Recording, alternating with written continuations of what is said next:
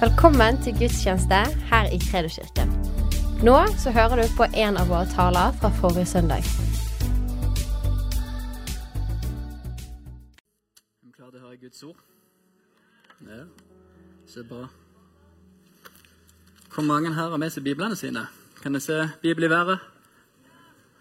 Ca. 30% er klar for Guds ord. 40 Altså Det å ha med Bibelen er en veldig viktig ting. Sånn, Altså, Hvis vi virkelig tror at det her er sant, så tror jeg vi hadde prioritert litt mer tid på kanskje å bruke lese det. Jeg hørte en quote en som E.W. Kenyon. Er noen som hørte han? Mange av den eldre garden vet hvem det. Han sa at eh, Guds ord må bli så ekte for oss at det er ingen forskjell på det du leser her, og om Jesus hadde møtt opp i person og snakka til deg. Så hvis det er vårt fokus når vi leser Guds ord Jeg tror dere vi har brukt litt mer tid i det. Yes, kanskje hatt med Bibel på møte. Hvis du har digital bibel, så har du en digital relasjon med Jesus.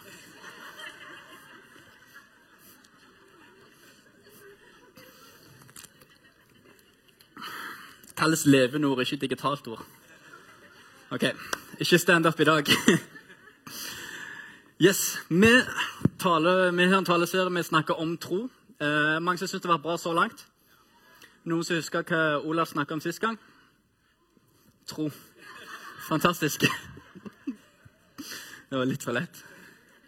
Olav snakker litt om det her med at tro kommer av Guds ord.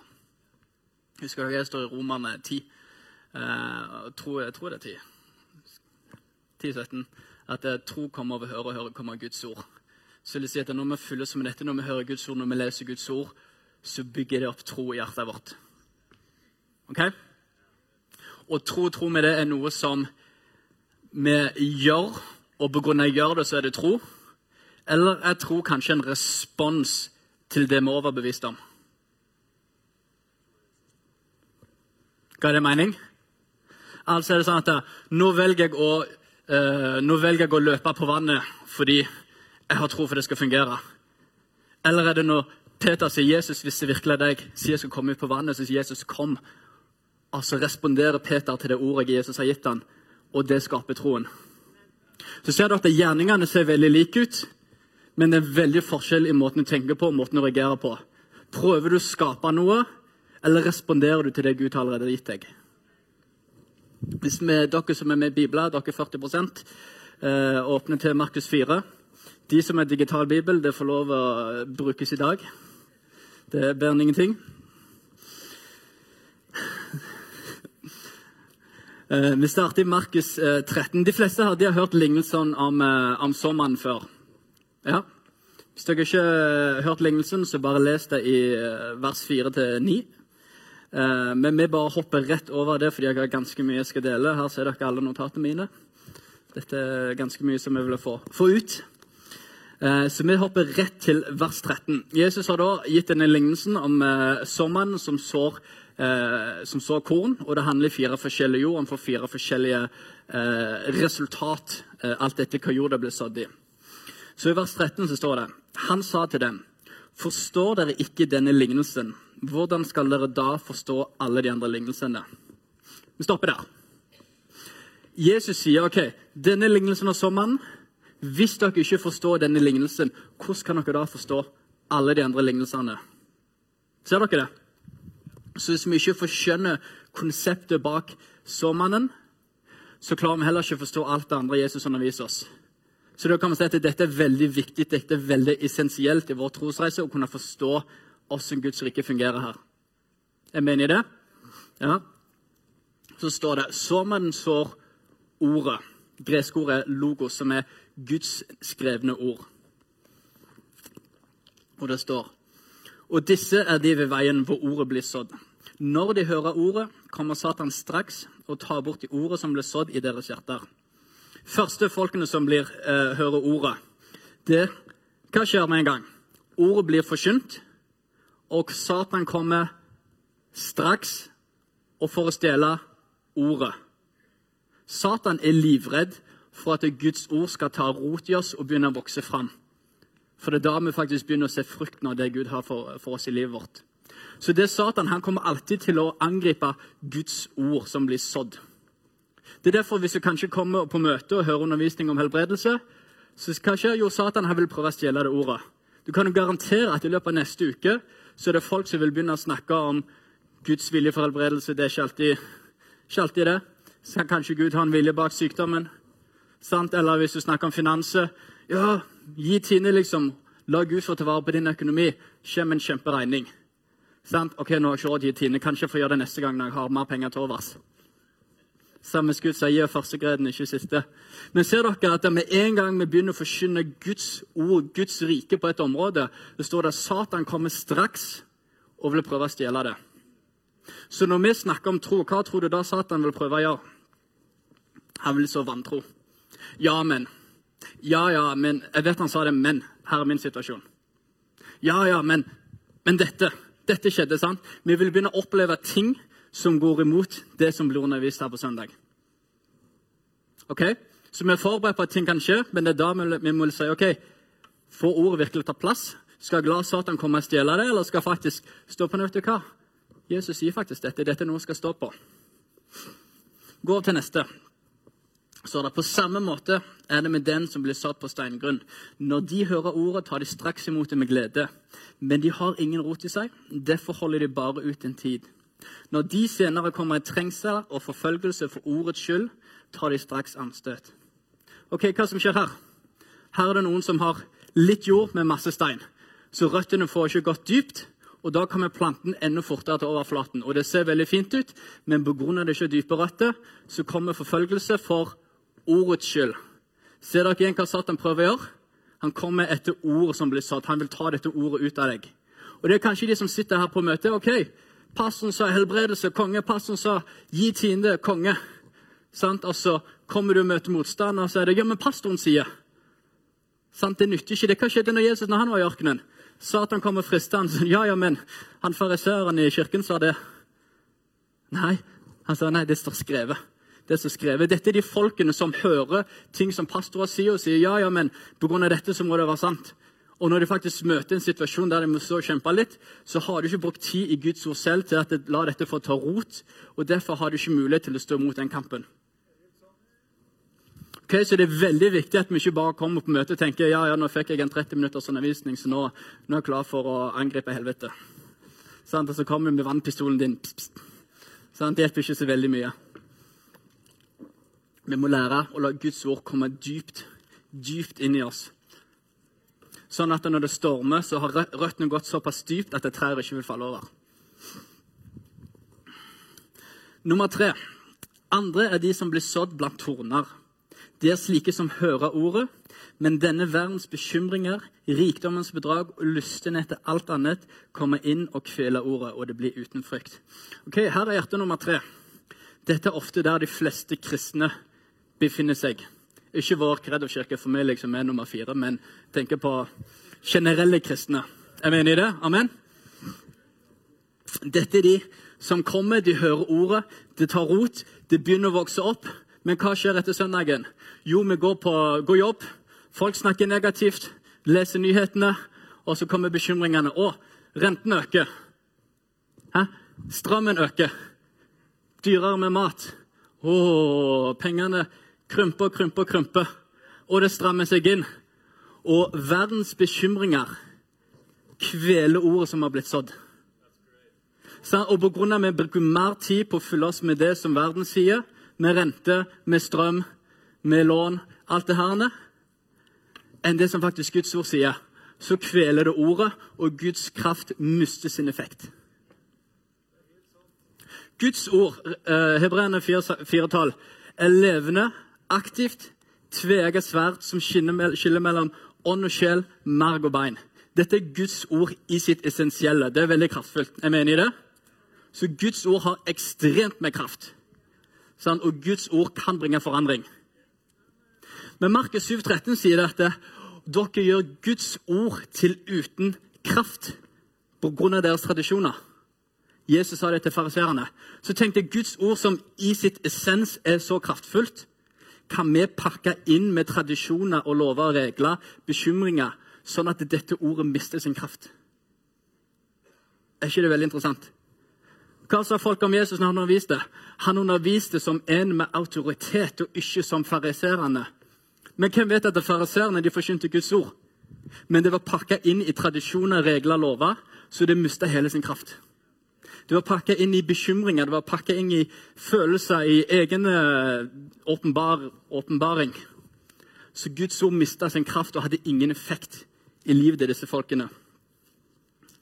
Siste hjerte. Men de som blir sådd i god jord, er de som hører ordet, tar imot det og bærer frukt. Noen 30, noen 60 og noen 100 ganger det som blir sådd. Hvor mange har lyst på 100 ganger det du sår? Ok. Ser dere at ordet er det samme som blir sådd i alle de forskjellige hjertene? Sant? Men hva er forskjellen? Jo, hva har du gjort med jorden din? Sant? Har det faktisk vært ute? Altså På Jæren så går vi på, på steinhenting. Noen som har vært med på det? Noen jærbuer her? Nei, ingen jærbuer. Men på Jæren så, så, er det sånn at der, hvert år så går det pløye jorda. Får opp alt det, får vekk den harde jorda, får det opp sånn at det blir klart til å plante ny og god frukt, ny frø. Men så er det noe av det hardeste jobben. Du må opp tidlig, du må gå fysisk, løfte alle steinene som kommer opp, og fjerne dem fra jorda. Sånn at det som så, kan få gå dypt og få vokse og få enda bedre frukt. Og På det samme måten så er det med vårt hjerte. Vi er ansvarlige for å ta og gå og plukke opp steiner og jobbe med jorda vår. Sånn at når vi har hørt på noen som forkynner Guds ord, så er hjertet vårt klar til å motta. Sånn? Og det, Den frukten du får i ditt eget liv, er totalt avhengig av hvor mye du jobber med ditt eget hjerte. En ting som er veldig interessant med jord Vi skal gå til første Mosebok 1. Kapittel 1, eh, vers 11.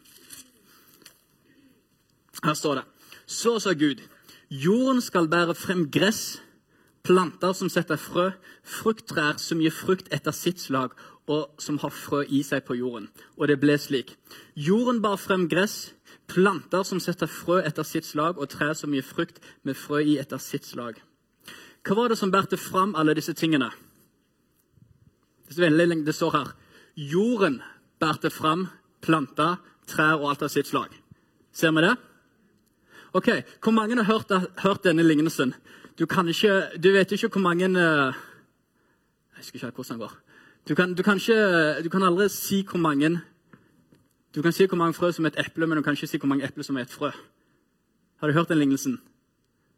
Der poenget er at uh, i et lite frø så vil det komme epletre som skaper eple, som har masse frø, som skaper mer, som skaper mer, som skaper mer. Og Poenget er at ut ifra et lite frø så vet du aldri hvor mye frukt som kan komme. Og Lignelsen jeg skjønner poenget, men det er teologisk ikke korrekt. Fordi Ifølge Bibelen så er det ikke frø som bærer fram disse tingene, men det er jorda. Ser dere det? Det står jorden bærte fram planter. Jorden bærte fram tre. Så står det litt senere kapittelet i vers 24 står det, jorden skal bære fram levende skapninger etter sin art, fe og kryp og jordens villdyr. Hva skjedde når Gud skapte mennesker? Han tok jord, forma mennesker og blåste inn, og det ble, ble, med liv. Det er derfor vi sier av jord har du kommet, til jord skal du bli, og av jord skal du igjen oppstå. Når folk dør, i hvert fall i statskirken. Men det som er at jord i seg selv er mirakuløst. Jord som ser veldig kjedelig ut, bare moll, har ekstremt mye næring. Hvis du tar et frø, planter det i jorda, så vil dette frøet det vil dra på næringen som ligger i jorda, og det vil produsere et epletre. For det frøet det drar til seg alt det et epletre trenger for å produseres. Og det som er med jord, skiller ikke på hva som blir planta om du planter epletre, om du planter appelsintre, om du planter pæretre Det som blir planta, det vil vokse fram. Fordi det som blir sådd ned, det gir jorden næring til, og det skaper liv. Og Det samme er det med hjertet ditt. Det som du sår inn i hjertet ditt, det som du planter, det vil hjertet ditt begynne å gi liv til, og det vil begynne å vokse fram. Så hva skjer når vi fyller eh, hjertet vårt med Guds ord? Jo, tro vokser fram. Fordi tro kommer av å høre, tro kommer av Guds ord. Så når vi tar Guds ord, så det inn hjertet, så vokser tro fram. Men hva skjer hvis du fyller det med andre ting? Hva om du fyller det med nyheter? Hva om du fyller det med vantro? Da vil det begynne å vokse fram. For jord skiller ikke på ting som blir sådd. Jord gir næring til det som kommer. Det er faktisk eh, funnet eh, frø fra farao sin tid, som er 4000 år gamle. Som der du planter det i, i jord med rett lys og rett eh, vann, eh, vannfuktighet og alt det her, kan begynne å vokse fram 4000 år seinere. Fordi næringen ligger i jorda. Næringen ligger ikke i, frukt, i frø, men det ligger i jorda. Og det står dette, I Sekel 36 så står det at Gud han tar vårt hjerte, han tar hjertet av kjøtt og gir oss et nytt hjerte. Så når vi får Den hellige ånd, så vi har fått Guds kraft, vi får Guds natur på innsiden. Vi har fått et nytt hjerte med super overnaturlig næring. Så det som vil vokse fram, det vil være ekstremt mye større enn det som du noen gang kan få med bare steinhjerte. For da kommer Satan og bare stjeler det. Gir dette mening? Det som er interessant, at du kan ta jord uten næring, død jord. Du kan plante et frø. Ingenting vil skje. Men hvis du tar det samme frøet og planter det i jord med næring, så vil det begynne å vokse fram. På Jæren så har vi et firma som heter Levende jord. Hvor mange trenger mer av det i livet sitt? Det får du når du får Den hellige ånd. Og tenk det her at det første Peter 1,23 kaller Guds, Guds ord et uh, incorruptible seed, står det på engelsk. Et frø som ikke er korrupt, som ikke er ødelagt, men et frø som det er liv i. Så tenkte jeg du har levende jord, som er hjertet vårt. Du blander det med levende ord. Kombinerer de hva vokser fram? Jeg tror. På latin er det credo for de som ikke kjente det. Men når vi snakker om tro, så er det mange som tenker at ja, du har mye tro, jeg har lite tro og jeg trenger mer tro. Romerne 12,3 er ofte et vers som blir misoversatt fra gresk. For det står dette We have all been giving a measure of faith. Altså Alle har blitt tildelt en mål av tro, står det ofte på en oversettelse. Men hvis vi leser det gresk, så står det We have all been giving the measure of faith. Vi har alle blitt gitt målet av tro. Og det samme hvis du står nede på et suppekjøkken og du kommer med tallerkener, og hvis folk har fem forskjellige mål som de gir suppe med. altså Noen har en teskje, noen har en spiseskje, noen har en øse. Så vil folk få forskjellige porsjoner. Og ofte Når vi ser en oversettelse som sier at vi har fått ett mål av tro, så tror vi at ja, du har fått mye tro, jeg har fått lite tro, og jeg trenger mer tro for å komme opp der. Mens Bibelen sier nei, du har fått målet av tro. Du har fått alt det du trenger gjennom Den hellige ånd. Men det du trenger, det er plante et frø som faktisk drar ut det her troen.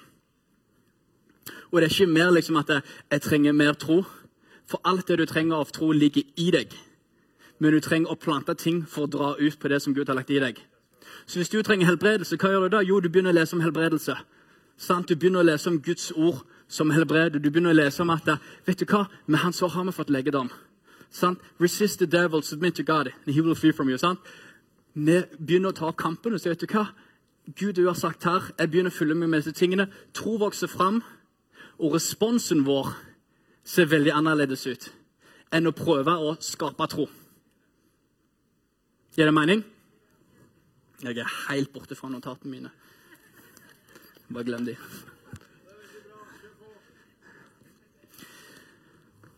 E.W. Kenyon, veldig fantastisk fyr. Han snakker om noe som han begriver på engelsk, så kaller han det 'mental assent'. Mens på norsk kan vi kanskje beskrive det som en mental enighet. Og Han beskriver det som at eh, du går an å ha, være enig med Guds ord, men det er en forskjell på å være enig med Guds ord og ha tro for Guds ord. Jakob sier dette tro uten gjerninger er en død tro. Sånn? Og vi kan si ja, jeg har tro for at Gud er min forsørger, og du er enig med det som Bibelen underviser om økonomi, men hvis ikke du faktisk gir tiende, så har ikke du tro for det. Sånn? Og responsen din til Guds ord viser om du faktisk har tro, eller om du bare er enig med det. Sant? Vi kan også si ja, jeg har tro for Guds, Guds vilje er helbredelse, men ok, hvor mange syke går du og ber for? Sant? Også når du møter med, med sykdom i ditt eget liv. Er du bare enig med Guds ord, eller har du tro for Guds ord? Og Ofte det, så merker vi ikke hva vi faktisk har tro for, før livet vårt er veldig pressa, alt av unnskyldninger kommer eh, forsvinner, og det eneste vi sitter igjen med, er hva som har blitt sådd. Så vil du si ja, jeg har tro for Gud forsørger. Og så kjører vi på liksom, ja, dette blir bra, Gud har penger for oss og alt det her. Men når det nærmer seg betalingsfristen, så begynner denne frykten å komme fram. Sant? Og vi begynner å bli stressa. Og det er sånn Ja, Gud forsørger, men jeg trenger penger. Og du begynner å bli frista til kanskje burde legge det på Facebook bare Hei, hvis noen har lyst til å be for finansene våre, så er det kjempebra, liksom, og du har liksom kristen hinting til, til uh, det som du kaller tro, da. Vi har tro for finanser. Kan du være med og be for oss? Og det er i disse situasjonene vi faktisk ser om den troen er bare en enighet, om det faktisk er tro. Fordi tro fungerer, og tro skaper fred. Jesus han skal gi oss en fred som overgår all forstand. Og den freden er manifestert i det du har tro på. Så hvis du ikke har fred i en situasjon, så er det kanskje ok, kanskje ikke har, har faktisk så mye tro som jeg trodde for dette. Kanskje det var bare en hype, en mentalt enighet. Jesus har bevart ditt hjerte framfor alt det du bevarer, for livet går ut ifra det. Sant? Det hjertet er fullt av, det taler munnen. Måten du reagerer på, viser hva som faktisk har blitt sådd inn her. Ofte ser vi ikke det før du er i en pressa situasjon. Når jeg var i Malaysia, så lærte Gud meg veldig masse om det her med å stole på Hans ord. Så jeg bestemte det. ok, Gud, jeg har, jeg har bedt om penger en gang før til en misjonstur, og jeg følte meg skikkelig dårlig. Jeg bare sånn, Kanskje det er jærbuen i meg, vi skal jobbe for vårt eget. Men jeg sa Gud, ok, hvis du virkelig er sann, så tror jeg ikke at jeg trenger å hjelpe deg. Jeg har lyst til å være sånn som Elijah, kaste vann på bålet istedenfor bensin. Så det jeg gjorde, jeg sa ok, Gud, ingen skal vite min økonomiske situasjon. Jeg stoler fullt og helt på deg. Jeg går i tro. Jeg sier ja til, du, til, det du har for meg. Penger er ikke et problem. Så jeg liksom begynte å reise til Malaysia, hadde ingen inntekt. Eh, vi skulle på misjonstur til Hongkong, Kina og Indonesia. To plasser i Indonesia. Jeg hadde nok til flybillettene. Tenker Gud, ordner resten. Og jeg var sånn, jeg kom ikke til å si noe til mor og far, for mor hun kom til å kjenne på skyldfølelse. Jeg sa ok, vi må støtte Lars Martin. Sånn, Og da er liksom litt av poenget borte. Sånn, ja, ja. Foreldre, gode foreldre de vil støtte barna sine når de sliter. Det er faktisk et veldig tips hvis du er student, så bare tøm hele kjøleskapet før foreldrene kommer på besøk. Så fyller de det. Men tilbake til Malaysia. Jeg hadde kjøpt billettene, hadde ingen mer penger igjen. Og så er jeg Gud, nå får du ordne opp. To dager før jeg skulle reise, plutselig kom det en pastor som jeg har møtt én gang. Han sa jeg hørte du skal til Hongkong. Jeg har tilfeldigvis 2000 kroner liggende i Hongkong-penger. Du kan få det hvis du vil. Jeg trenger det ikke. Jeg bare, nice. Så det betalte for mat for hele den uken. Uh, Senere så, den dagen, eller I løpet av to dager så hadde jeg folk i kirken som kom og banka på og sa bare Gud, så skal jeg deg penger. Hørte du ute og reiste? Jeg bare sånn Takk. Og jeg fikk mat til hele den turen. Samme etterpå så reiste jeg til USA, hadde råd til én vei. Og Gud sørga for pengene, så jeg fikk billett hjem igjen. Men jeg har sagt til Gud hvis dette er sant, så er det sant. Og jeg har lyst til å teste, teste på det. Fordi jeg har ikke lyst å kalle det tro, men hjelpe til. Hvis det virkelig er Guds ord, så er det Guds ord. Og på grunn av at jeg hadde fulgt meg så mye med at ja, Filipperne 4 sier at Gud skal forsørge alle mine behov etter hans rikdommer. Så sa jeg ok, Gud, jeg har behov for penger, jeg har behov for flybillett, jeg har behov for mat. Jeg velger å gå. Jeg velger å se det komme opp.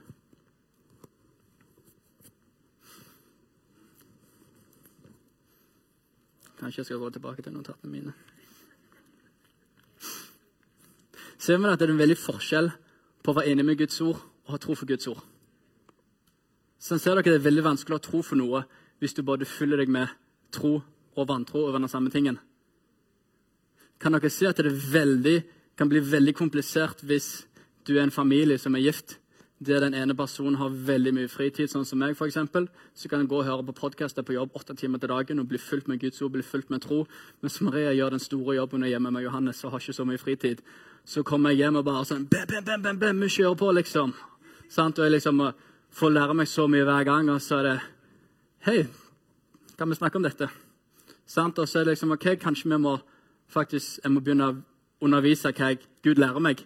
Der ikke bare jeg får tro for ting, og så jeg har tro for dette, og så har jeg liksom 30 timer med hvorfor. Sant? Og så klarer ikke Maria å se det liksom som jeg gjør.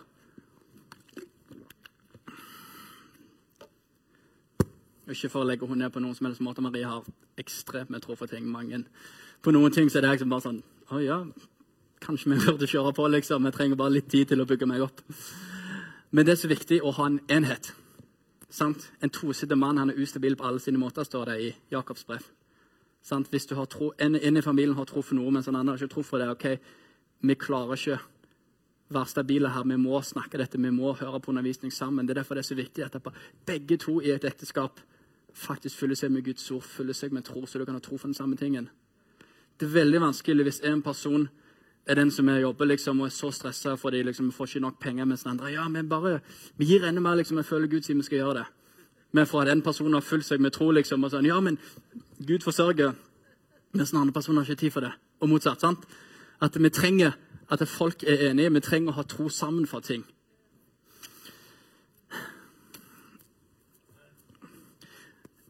Hvor mange har hørt dette bibelverset?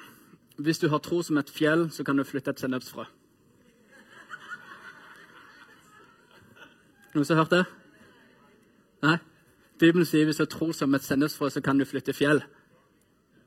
Så hvorfor tror vi alltid at vi trenger mer tro når Jesus beskrev minste han kunne komme på, og sa at det er nok?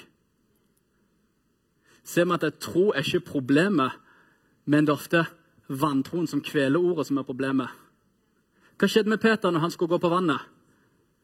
Han, det står at det storma, var vind. Jesus kom gående på vannet. De bare sånn 'Et spøkelse!' Sant? Mens Peter sier, 'Hei, Jesus, hvis det virkelig er deg, si kom'. Hva sier Jesus? Han sier 'kom'. Ordet som Jesus sa, inneholdt nok tro til at Peter kunne gå på vannet.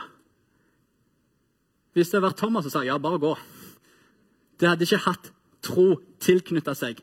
For det er Guds ord som bærer tro, ikke våre ord. Så Thomas kunne sagt det samme ordet, men pga. det Jesus som sa det, så bar det med seg tro. Så Peter han gikk ut av båten, begynte å gå. Hva står det skjer? Ser på bølgene rundt seg, han blir redd, og han begynner å synke. Og Jesus sier wow, Peter, fantastisk, du klarte å gå tre steg på vannet. Du er den beste liksom, av disiplene. Var ikke den han sa du er lite troende? Altså, Hvis vi er på Leif-gruppen og Alex tenker nå skal jeg løpe på vannet, og han løper liksom ti meter før han faller gjennom, så er ikke min respons du er lite troende. Sånn, Det er kanskje det respondere til resten av Leif-gruppen, men Jesus sa du er lite troende, hvorfor tvilte du? Så hva Jesus sier, ok, du hadde lite tro, men den troen var nok til du kunne gå på vannet. Hva var problemet? Jo, du tvilte. Sant, Troen var ikke problemet, tvilen var problemet. Hva skjedde? Han tok øynene sine av Jesus, og han begynte å fokusere på stormen, på bølgene. Han ble redd, og han begynte å synke. Men hvor mange vet at det, bølgene og stormen hadde ingenting med om Peter kunne gå på vannet. Han kunne ikke gå på vann uansett om det var stilt vann. Sånn, men begrunna han tok øynene sine av Jesus, så snakka bølgene til han, sådde frykt, kvelte ord som Jesus nettopp hadde gitt han, og bam, han gikk under. Så ofte er ikke problemet at vi ikke har nok tro, men det er fordi vi har vantro. Det er to forskjellige ord i Bibelen. Det er pistis og apistis. Tro betyr å være fullt overbevist, mens vantro betyr å ikke tro nok.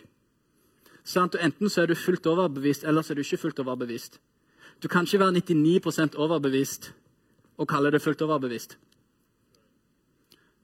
Sånn? Så det at du klarer de 99% det er fortsatt ikke nok til at Bibelen kaller det tro.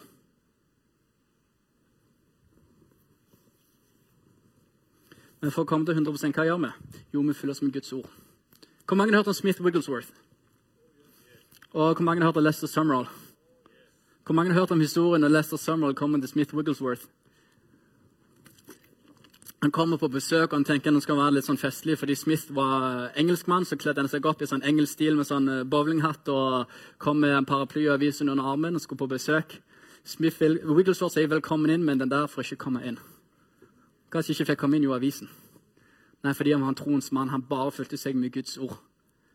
Så når det eneste som blir sådd inn i hjertet hans, er Guds ord, da er det det eneste som han responderer med, det er tro.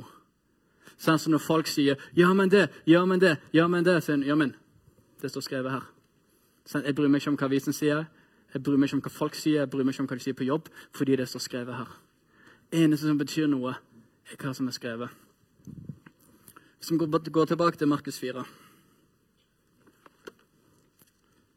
Hvor lenge har jeg tale, egentlig? Cirka halv?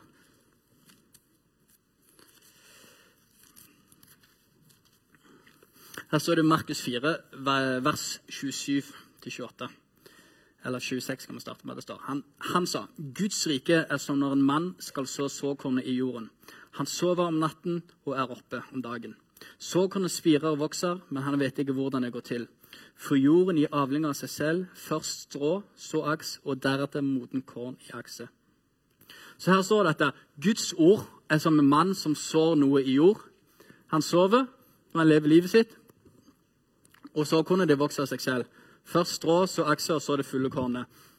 Ser dere det at Guds ord har stadier? At det starter med strå, så kommer aks, og så kommer det moden korn. Men det som er interessant, er at han gjør, etter, etter kornet er planta, så gjør han ingenting for at det skal vokse. Han går, planter, og så lar han det få ligge grunna. Og Det samme er det med Guds ord. at Når vi bare konstant fyller oss med Guds ord, så vil det begynne å vokse. Og det vil begynne å vokse. Og plutselig kommer du i en situasjon der du må faktisk stå i en troens kamp. Så er det, men nå har jeg fulgt meg så mye at jeg nå har klart å kjempe. Det å fylle seg med Guds ord gjør seg klar til kamp. For hvor mange vet du møter motstand i livet? Ja? Og det er ikke noe vi kommer utenom. Men Guds ord kan forberede oss for disse kampene. For mange år siden Eh, så Ikke så mange år siden, jeg er ikke så gammel. Men uh, for fem, seks, syv år siden så, så pleide jeg å trene mye. Og på et tidspunkt så fikk jeg et eller annet en låsning i, i ryggen etter noe sånt, som gjorde at hver gang jeg lufta noe som var litt tungt, så fikk jeg en ekstrem hodepine. Sånn helt ekstremt uholdelig vondt. Uh, så jeg, kunne, jeg, måtte bare slutte å trene. Så hadde jeg tre måneder der jeg ikke kunne gå på trening ikke gjøre noe tungt, fordi jeg fikk bare så vondt i hodet. Eh, jeg var inne på sånn skanning på sykehuset. De prøvde å finne ut om det var noe galt. eller noe sånt. De fant, ingen, fant ikke ut hva det var. Uh, og så var det mamma som sa kanskje du burde gå over til sånn fotsoneterapi. Så gikk det sånn mann og så klemte litt under beina, og etter en, en gang så var det good. Da kan du begynne å trene igjen. Kjempegøy. Når jeg var i Malaysia, så kom det samme tilbake. Samme hodepine hver gang jeg begynte å trene. Da var jeg på min slankekur. Jeg, jeg bodde i USA før Malaysia gikk opp 30 kilo, så da i Malaysia var jeg på vei ned igjen. Eh, så det var veldig viktig for meg å trene for å kunne holde dette ved like. Men da kom plutselig den ekstreme hodepinen tilbake, så hver gang jeg løfta, så fikk jeg så vondt i hodet. Og liksom, hva skjer? Tankene mine å søren, nå er det kommet tilbake, nå kan jeg ikke trene på de neste seks månedene, for nå må jeg tilbake til Norge for han karen som kan begynne å presse under beina mine. Og sånn, og alt det her begynte å, begynte å komme. Men det som jeg hadde gjort i Malaysia, jeg hadde begynt å studere Guds ord om helbredelse. Og Der står det i Isai 53,5 at med han så har vi fått legedom. Det står han tok på seg vår sykdom. Så jeg sa OK, hvis dette er sant, så skal jeg ha tak i dette. Så da begynte jeg å gå på trening hver dag og løfte. Og jeg fikk vondt i hodet hver gang. Men hver gang jeg kjente den smerten, sa jeg i Jesu navn forsvinn. Jeg er helbreda. Kropp, jeg befaler deg, bli helbreda i Jesu navn. Og det gjorde jeg i to uker, og plutselig var all smerten borte. Men dette skjedde fordi jeg hadde fulgt meg med Guds ord. Fordi jeg hadde fulgt meg så mye med helbredelse. liksom. Gira på å se folk bli helbredet. Så masse helbredelse i Malaysia. Så når jeg faktisk sto i denne kampen, så var det ikke så veldig vanskelig, fordi jeg hadde fulgt det opp. Jeg hadde tro for det. Jeg hadde tro til å stå i denne kampen. Jeg hadde tro for å kjempe denne troens kamp vi snakker om.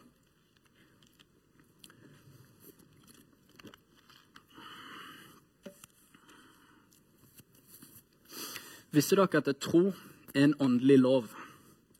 Mange som har hørt det før? Hvor mange vet at det fins fysiske lover? Jeg er elektriker, så jeg, jeg jobber mye med strøm, og strøm har en fysisk lov. Eh, og sånn, eh, Forklart enkelt, så når du har en sikring, så har du to kabler som går ut. Altså, når, Hvis de får kontakt, så skaper det spenning i der som punktet er. Så Hvis du setter en lampe der, så vil den begynne å lyse. For det er en fysisk lov til strøm. Så når du setter en bryter, det du gjør, du bryter den ene lederen sånn at det ikke får kontakt. Så når bryteren går på, så går strømmen helt igjennom. Når bryteren går av, så lager den et brudd. Sånn, da vet Når jeg kommer på en jobb og skal feilsøke og finne ut ok, hvorfor fungerer ikke lyset, hvorfor fungerer ikke stikkontakten, så vet jeg hvordan de fysiske lov, lovene til strøm fungerer. Og jeg vet at okay, For at dette skal fungere, så må det være en full kobling igjennom. Så det jeg begynner å gjøre, jeg går igjennom alt av stikkontakter. Jeg prøver å finne hvor er den koblingen som ikke er kontakt. Kan det være noe som er brent? Kan det være noe som er svidd? Kan det være noe som er løsna? Jeg vet Pga. det ikke funker, så er det en løs kobling et eller annet sted. Så det jeg må gjøre, jeg må finne denne koblingen for å få strømmen igjennom. Og På samme måte er det med tro. Altså, Jesus sa hvis du har tro som et sennepsbrød, så skal du si til fjellet 'flytt deg', og det skal flytte seg. Det du en ber om i mitt navn og tror, det skal du få. Tro fungerer. Hvis det er virkelig tro, så fungerer det. Men hvis det ikke fungerer, ok, hva må vi gjøre da? Men vi kan ikke gå gjennom måten vi ser på livet vårt.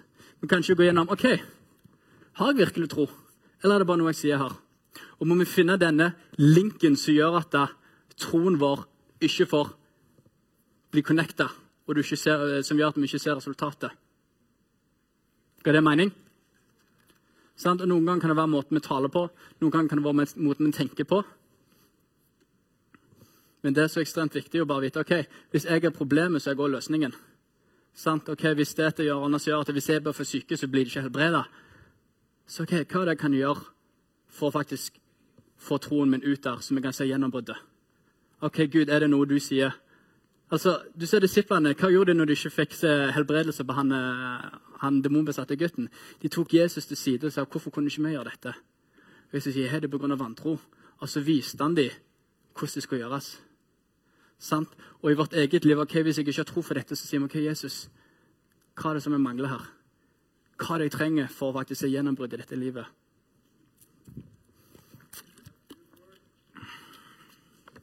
Skal holde på så veldig mye lenger.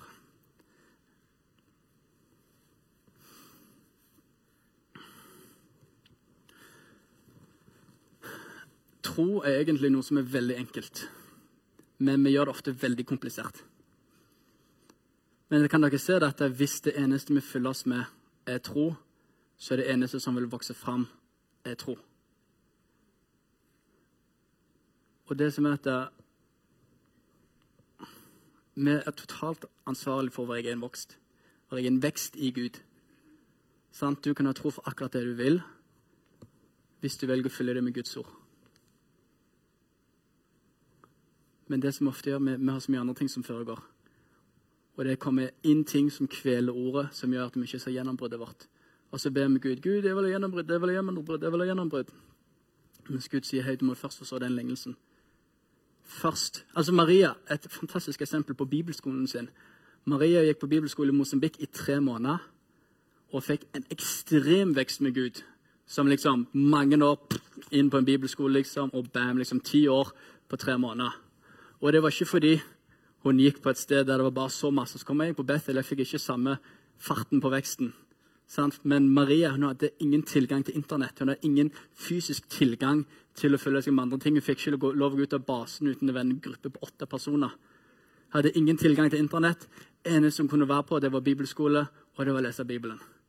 På Bethel så fikk vi like mye undervisning, kanskje enda mer, for vi hadde det over ni måneder. Men vi hadde masse andre ting vi kunne følge oss med. Så, men pga. det eneste som Maria så den i livet sitt, var Guds ord, var bibelskole, var undervisning, så vokste det så ekstremt mye fram at den åndelige veksten gikk fra 0 til 200.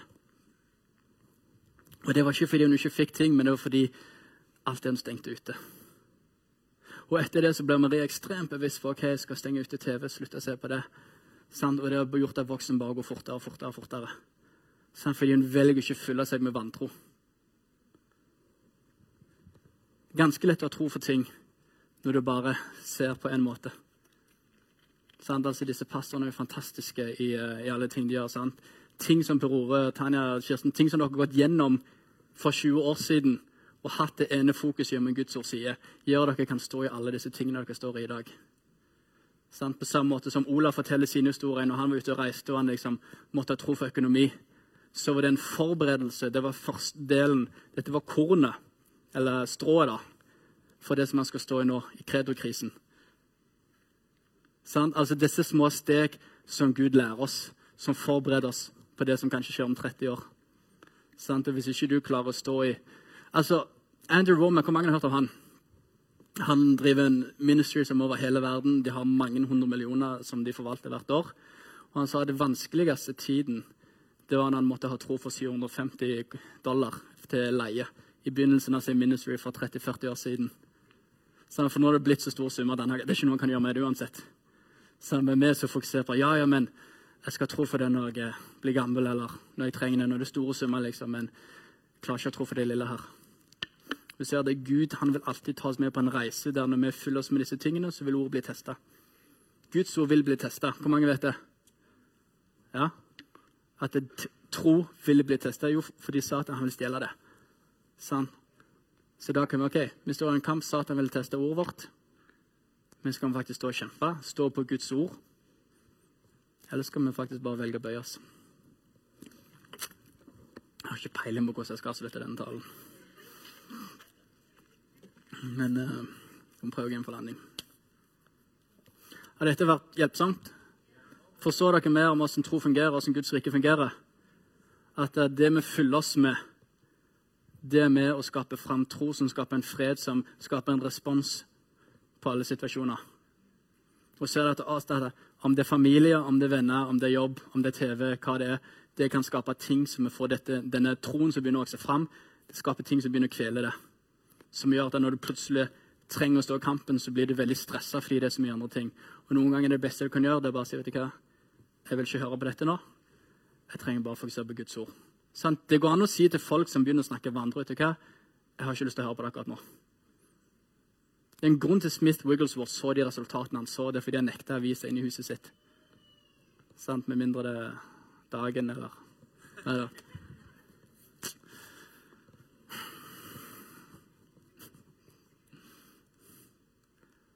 Kanskje jeg får spørre Olav hvordan du avslutter tala. Det har jeg ikke lært ennå. Ok, Vi reiser oss. Klokken halv, om holdt en liten stund. Mm.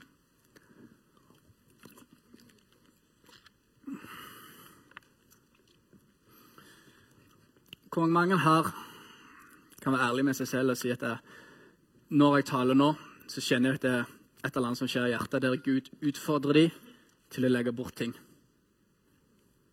Jeg kjenner det er bra. Guds ord, det vil bringe en transformering. Sånn? Og denne, dette vi kjenner på, det, det er litt sånn Å, det svei, men det svei litt godt fordi jeg vet det er sant. Det er Helligånden som inviterer til å bli beskjært. Du kan lese om det i Johannes 15. Og Helligånden, Jesus sier dette når jeg vil beskjære deg sånn at du kan bære mer frukt. Så når Guds ord blir talt, og vi hører et undervisning om tro, og vi kjenner oi, her er et område i livet mitt der jeg ikke lever i tro, så er det en invitasjon til beskjærelse. Og Jesus gjør dette fordi han vil vi skal bære mer frukt på dette området. Så jeg vil oppfordre alle som kjenner på at oi, dette reiv litt i hjertet. Om det er økonomi, at folk syns det er vanskelig i tiende. Om det er, om det er helbredelse, hva det er, liksom. Hvis du kjenner den, det river litt hjertet, gjør noe med det. Jakobs brev sier dette vær en gjører av Guds ord, ikke bare en hører.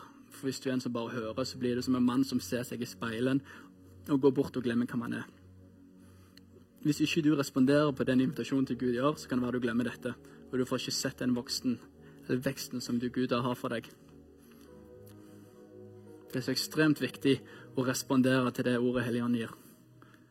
For dette er ikke mine ord, dette er Guds ord. Jeg er bare en som står og forkynner det som står her. Det er derfor jeg har så mye bibelvers. For det er mye vanskeligere å si det med min egen teologi. Men OK, ta lukke øynene, skal jeg be over dere. Helligånd, takk for at ditt ord er levende. Takk at det er aktivt, og takk at det er skarpt, og takk at det kutter oss. Hellige Ånd, jeg takker for at du inviterer alle som kjenner på noe hjerte. Du inviterer dem til å bli beskjært. Du inviterer dem til å vokse åndelig. Og Dette er kanskje det neste steget du trenger å ta for å få gjennombrudd i livet ditt på noen områder.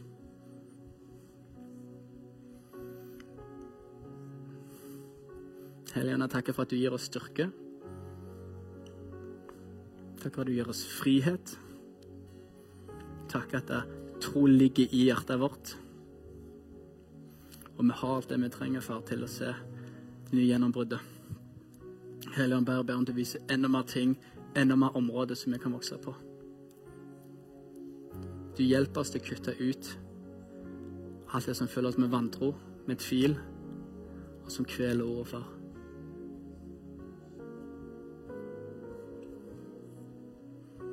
Far, vi har bare lyst Vi vil bare fylle oss med ditt ord, fylle oss med tro. Vi har lyst til å leve for deg 100% Tusen takk for at du lyttet. Følg oss gjerne på Instagram og Facebook, og så snakkes vi neste uke.